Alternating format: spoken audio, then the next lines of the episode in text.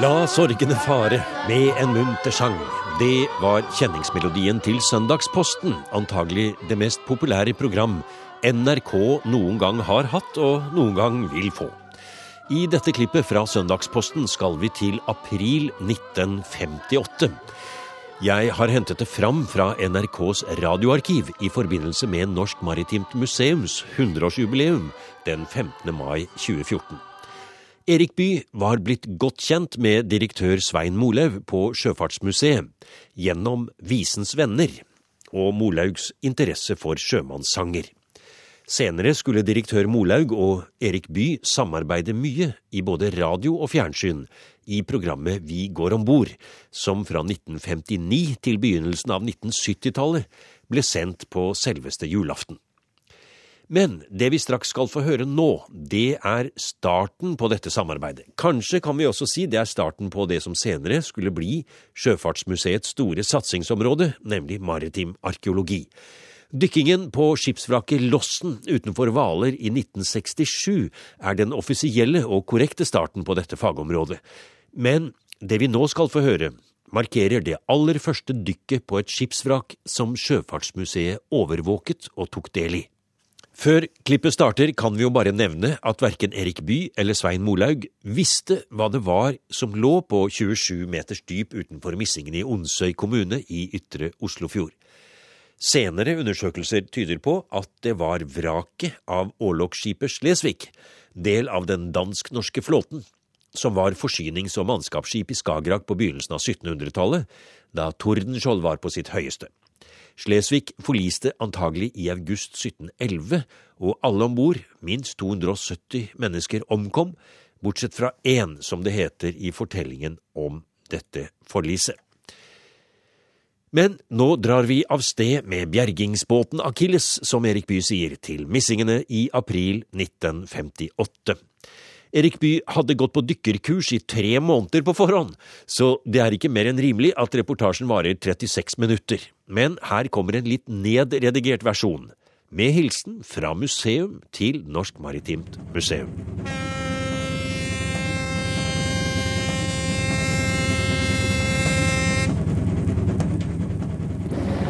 Kom her, styrbord nå. Kom her, styrbord. Støtt opp med det. Så ønsker vi lytterne velkommen om bord i bjergningsfartøyet Akilles på en tur ytterst ute i fjordgapet, hvor vi skal være med på en bjergningsoperasjon litt utenom det vanlige. For her ute ved de beryktede Missingene, en liten klynge med steinete holmer omkranset av en hel rekke undervannsskjær, eh, skal vi i dag forsøke å heve en del gamle gjenstander eh, fra et ca. 250 år gammelt skipsvrak som ligger på 30 meters dyp her ute. Det er ingen grunn til å legge skjul på at dette er en stor dag for alle mann om bord, for eh, mannskapene fra Falkens redningskorps som skal utføre denne vanskelige operasjonen, for Norsk Sjøfartsmuseum og dets direktør Svein Molaug, som er om bord her for å lede den vitenskapelige delen av ekspedisjonen. Og for den norske marine, som har tatt uh, stor interesse i saken, og som har sendt om bord kommandørkaptein Olavsen fra, fra Marinemuseet i Horten som veileder her. Lytterne vil kanskje huske at det i fjor høst sto i avisene at uh, en av Falkens froskemenn fra Fredrikstad-avdelingen, Bodan Badowski, oppdaget dette vraket her ute under en treningstur ved Missingene. Og senere gikk eh, folk fra Falken ned og brakte en del mindre gjenstander opp til overflaten. Bl.a. en krittpipe, delen av timeglasset, tydeligvis. En del av timeglasset. Eh, noe En, en, en blokk, bl.a. En romkrukke. Og eh, og forskjellige mindre gjenstander. Eh, også et, et, blekkhus, så vidt jeg husker. Noe som tyder på å være et blekkhus av bly, som vakthavende offiser om bord har gått med i en lenke rundt halsen når han skulle gjøre sine nedtegnelser i loggboka. Disse tingene er blitt brakt til overflaten, og eh, direktør Molaug ved Sjøfartsmuseet har på bakgrunn av dette vært i stand til å gi en slags tidsangivelse. Han er ikke sikker på hvor gammelt fartøyet kan være. Det kan være mellom 1650 og 1750. Vi regner at det er omkring 1700-tallet. Eh, Det er mange ting som tyder på at dette har vært et av de største fartøyer som eksisterte på den tiden.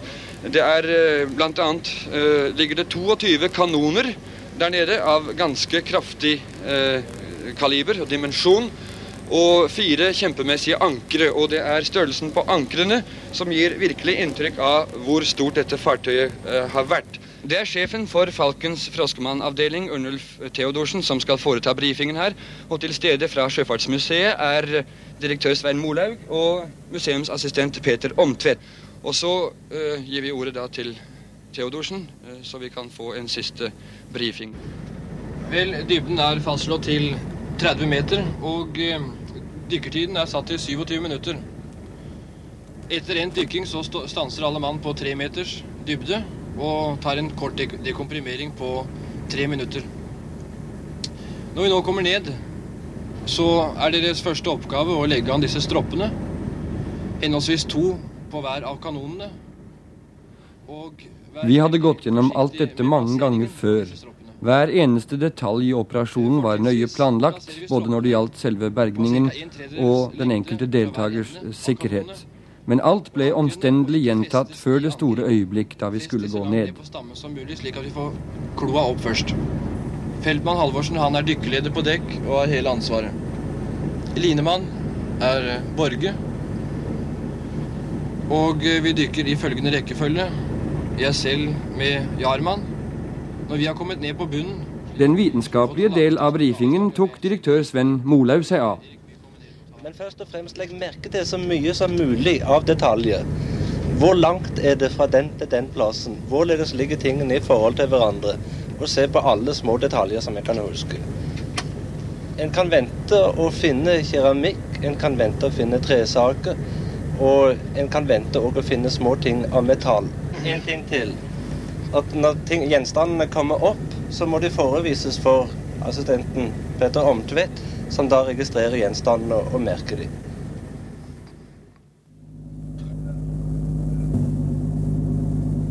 Og her på brua har vi nå vært vitne til en ganske enestående slalåmkjøring til sjøs. Kjentmannen her nede fra, han heter Jølberg. Han har dirigert Akilles inn mellom blindskjær og undervannsbåer og trykt inn til den rolige, eh, skal vi kalle det lagunen, her ved disse nakne skjærene som heter Missingene. Eh, Da vi kikket på draft her i sted, så skjønte vi at i grunnen ikke var det spor merkelig at vi ikke kom inn her med mariens minelegger Rauma i november. Det var ikke mye rolig sjø her da.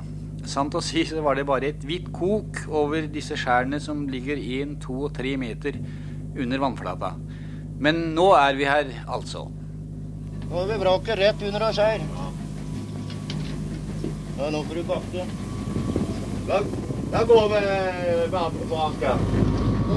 Ja. Nå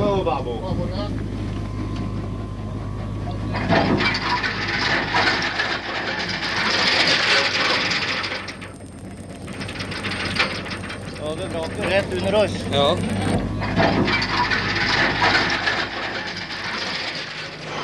Hallo, det er Erik til overflaten. Hallo, kom inn. Jeg er klar til å gå ned nå. Ja. Kommer igjen når jeg er på en fem-seks meter. Vel, vel, god tur. Takk. Over.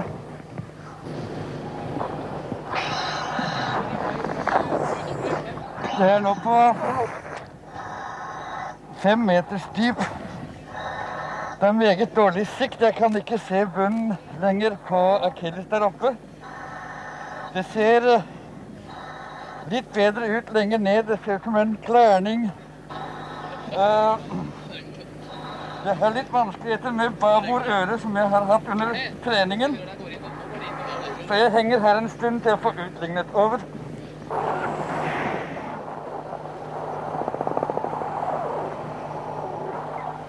Hallo, Erik til overflaten. Ja, kom inn. Det er nå ganske mørkt her nede. Kan si til eh, Svein Morlaug at jeg ikke kan se noe enda som jeg kan gi noen idé om beliggenheten av vraket.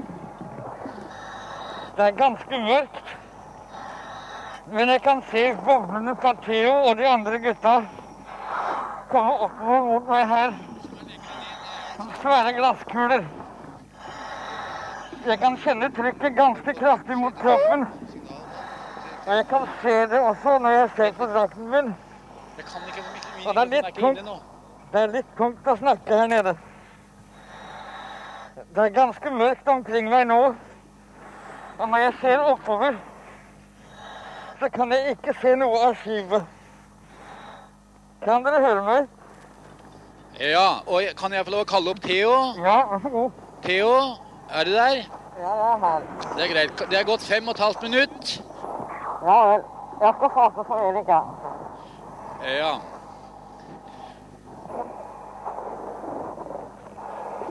Erik til overflaten. Kom inn, Erik. Jeg har nådd bunnen nå. Og allikevel ankeret som jeg nå forsøker å sette meg på sammen med Theo. Det er et kjempemessig anker. Nå er vi nede på 30 meters dyp. Og vi sitter på dette svære ankeret. Det er tungt å snakke. Det er voldsomt trekk her nede. Og det er vanskelig å se noen verdens ting. Jeg skal be Theo, som er på den andre siden av ankeret, og gi en idé om hvor stort det er. Jeg kan tenke meg det har en lengde på en 16 meter omtrent. Overflaten til Erik. Ja. Tror du du, du kan få opp det ankeret? Er det noen sjanser til det? Ja, jeg vet ikke. Jeg skal se litt nærmere. Ja. Jeg skal se litt nærmere. Øynene mine blir vant til lys her. ja. Fem meter langt, sier Theo det er. Han har målt det. Det er fem meter langt.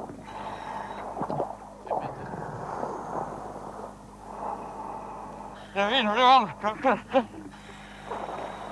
Jeg får lite luft. Da skal du veie deg oppover noen meter. Hvis det begynner med tungt å puste, så bare gå opp.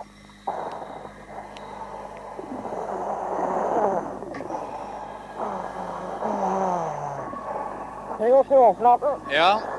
Kom, Jeg kan gå tro for luft og kommer opp. ja vel. De kommer opp. Erik overflaten. Jeg kom for luft.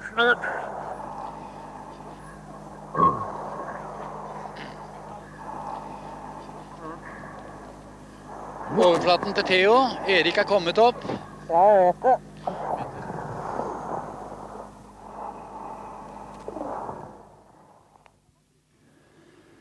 Man bruker selvsagt mer luft når man samtidig skal lage reportasje, så dette var jo ikke så farlig som det kunne høres. I alle fall ikke verre enn at han fikk ny pressluftbeholder og gikk ned igjen ti minutter etter. Det gjorde han for å være med på forberedelsene til første hiv. Han kom også tidsnok opp til å ta seg av reportasjen før det første store funnet kom opp til overflaten. Og nå ruller vinsjene langsomt, langsomt her om bord i Akilles, og vi venter på den første virkelige storfangsten her. Eh, dykkerne har vært nede både fra Falken og en eh, hjelmdykker fra Norsk Bjergningsselskap, og har nå festet stropper til eh, en av kanonene, og vi venter hvert øyeblikk på at den skal bryte vannskorpen. Jeg har direktør Molaug fra Sjøfartsmuseet her ved siden av meg, og alle folkene på dekket og i båtene ved siden av her følger spent med. Alles øyne er vendt ned mot vannflaten, hvor vi skal få se resultatet av det vi har holdt på med her i dag. Der kommer den. Et svært beist. Et svært forknudret jernbeist. Så der har vi et resultat etter alt dette arbeidet og alle disse månedenes forberedelse. Noe vakkert syn er det ikke akkurat, men det er tydelig at det er en kanon. Men si tydelig kan man ikke si det her heller, for det er helt forknudret av rust som ligger i, i, i bulker og buler over hele langsmed hele løpet. Det er en lengde på ja, tre gode tre meter. På gode tre meter. Et kraftig beist. Nå flytter alle mann seg her mens vi svinger kanonen opp. Vinsjen går stadig, og vi svinger nå kanonen over dekket. Eh, Svein, kan du si noe om dette her, her eh, på et så vidt tidlig tidspunkt? Det er en svær kanon på eh, bortimot fire meter. Er den så lang? Ja, er. Massivt Ja. gods. Den eh, ser ut som den kunne ligge bortimot inn på 1700-tallet. 1700? Ja. Etter en pause på de foreskrevne fire timer var alt igjen klart til siste dykk. Erik med pressluftbeholder på ryggen, mens Theodorsen hadde lufttilførsel fra dekk. Det er Erik til overflaten. Kom. Ålreit, Erik, kom inn. Det er klart til å gå ned nå. Vi går langsomt nedover etter en bunnline. T og jeg like ved siden av hverandre. Over. Kommer igjen om uh, fra en seks-åtte meters dyp. Over. Det er greit og forstått. Og det er et par fisker her og der som kikker litt nysgjerrig på oss, noen maneter. Ellers bare stillhet omkring oss. En stillhet som vi nesten kan ta i. Og jeg vil ikke si jeg er redd, men jeg er heller ikke den høyeste mannen i hatten i Nord-Europa. For her er man en ubuden gjest, og det gjelder å ha en ganske sterk respekt for vertskapet. Jeg går langsomt ned nå, like ved Theo. Trykket øker stadig. Kraftig. Det er vanskeligere og vanskeligere å snakke. Det er ingenting å se annet enn boblene fra Theo som kommer meget fortrøstningsfullt opp her like ved meg.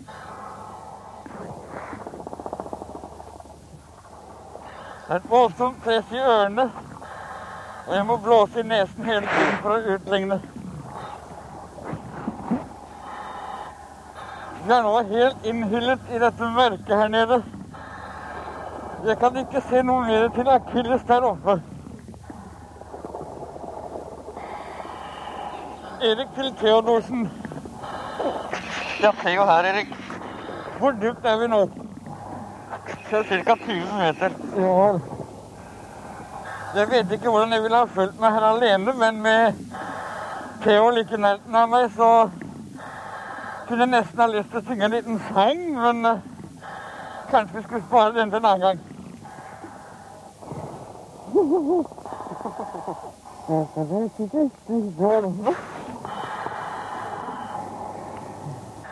Nå nærmer vi oss bunnen, og vi kan se det glimter i den lyskasteren som er blitt senket ned fra Akilles. De er nå, vi er nå på bunnen. 30 meter ned. Det er vanskelig å snakke. Og et aldeles fantastisk syn under skjæret av denne elektriske solen vi har fått her nede på havbunnen.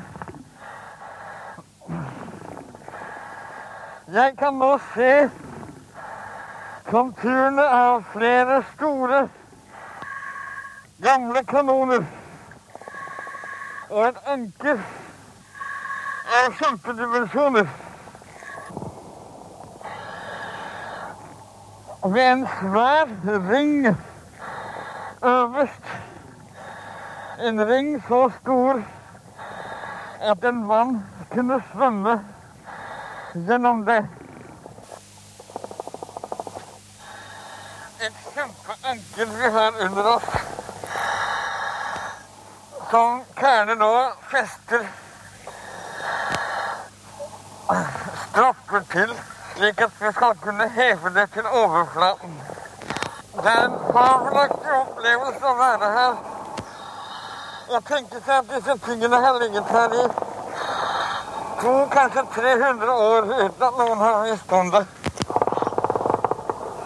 Hallo, eh, overflaten til Erik. Erik er på dekk nå. Er det på dekk, da? Er alle mann kommet opp? Alle mann oppe nå. Ok.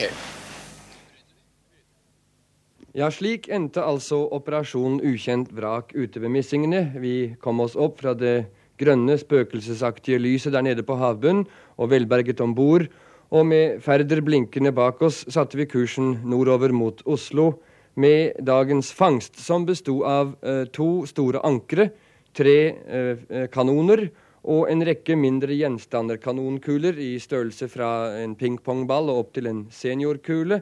Og eh, en stekepanne, en svær firkantet stekepanne, forskjellige beslag og deler av krukker og annet lertøy.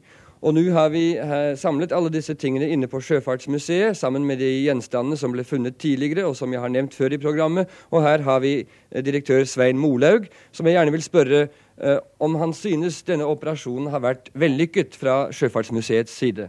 Jeg kan skjønne det. Det er ikke hverdagen dag en tar slike skatter opp fra havbunnen. Det er så rart med et funn som dette. Det byr på så mange problem. Vi skal konservere tingene, og vi skal finne ut hva det er vi har funnet. Jeg har ofte lurt på hvorfor skuter er hunnkjønn, men etter at jeg har holdt på med dette vraket nede ved Missingen, begynner jeg å forstå det. Denne skuten her, den er som en knipsk eldre eh, kvinne som ikke vil ut med alderen. Gir forskjellige interessante opplysninger om seg selv, og, men forstår å hylle det hele inn på en merkelig måte som egger fantasien. Se nå f.eks. på denne krittpipen her. Stilken er brukken av, og den er brukken av akkurat der hvor årstallet skulle stå normalt. Og krukken, som du ser nedi der, den har fått slått av skulderen hvor fabrikkmerket skulle stå. Slik er det gjennomført. Det som er av betydning med et funn som dette, det er at en, en brekkstang for den nye vitenskapen som er grodd opp i kjølvannet på alle froskemennene, nemlig marinarkeologien. Vitenskapsmennene begynte å lete ikke bare i jorden, som de gjorde før, men havet er blitt utgravningsplassen. Mm. Kan du fortelle noe om, om, disse store gjenstandene, om kanonene eh, og ankrene? Har de noe å fortelle om dette vraket? De forteller en del, men vi må måle disse tingene nøye opp. For med kanoner er det slik at kanoner er noe av det mest konservative som er. Typene holder seg uforandret gjennom mer enn 100 år. Det er små riller og små avvikelser som gjør at vi eh, kan bestemme alderen på det. Og hva er gjort med kanonene nå, da? De skal bade i et elektrolytisk bad. Og en skal fjerne da alt som er av jern, ja. slik at bare grafitten blir igjen. Jernet er nesten helt vekke. Og så skal denne grafitten innsettes med et fast stoff, slik at formene holdes. Men vi er ikke kommet så langt ennå at vi kan si noe absolutt om alderen. Nei, Men det blir vel slik at uh, vi får gå ned der senere og forsøke å, å, finne flere mindre gjenstander da, og andre ting som kan gi oss flere opplysninger. Hvordan stiller, stiller Sjøfartsmuseet seg til det? Jo, jeg vil forferdelig igjen eh, få anledning til å, å ta en ny ekspedisjon der ned. Og det som det måtte vært morsomt å finne, det var selve skipsklokken. Ja. Fant vi den, så var problemet løst. Ja, vi så etter den. ja. Og eh, hvordan er det med planer ellers? Det er vel en god del skipsvrak langsmed kysten her, og mange ting som kan være av interesse for museet nå når dere skal utvide.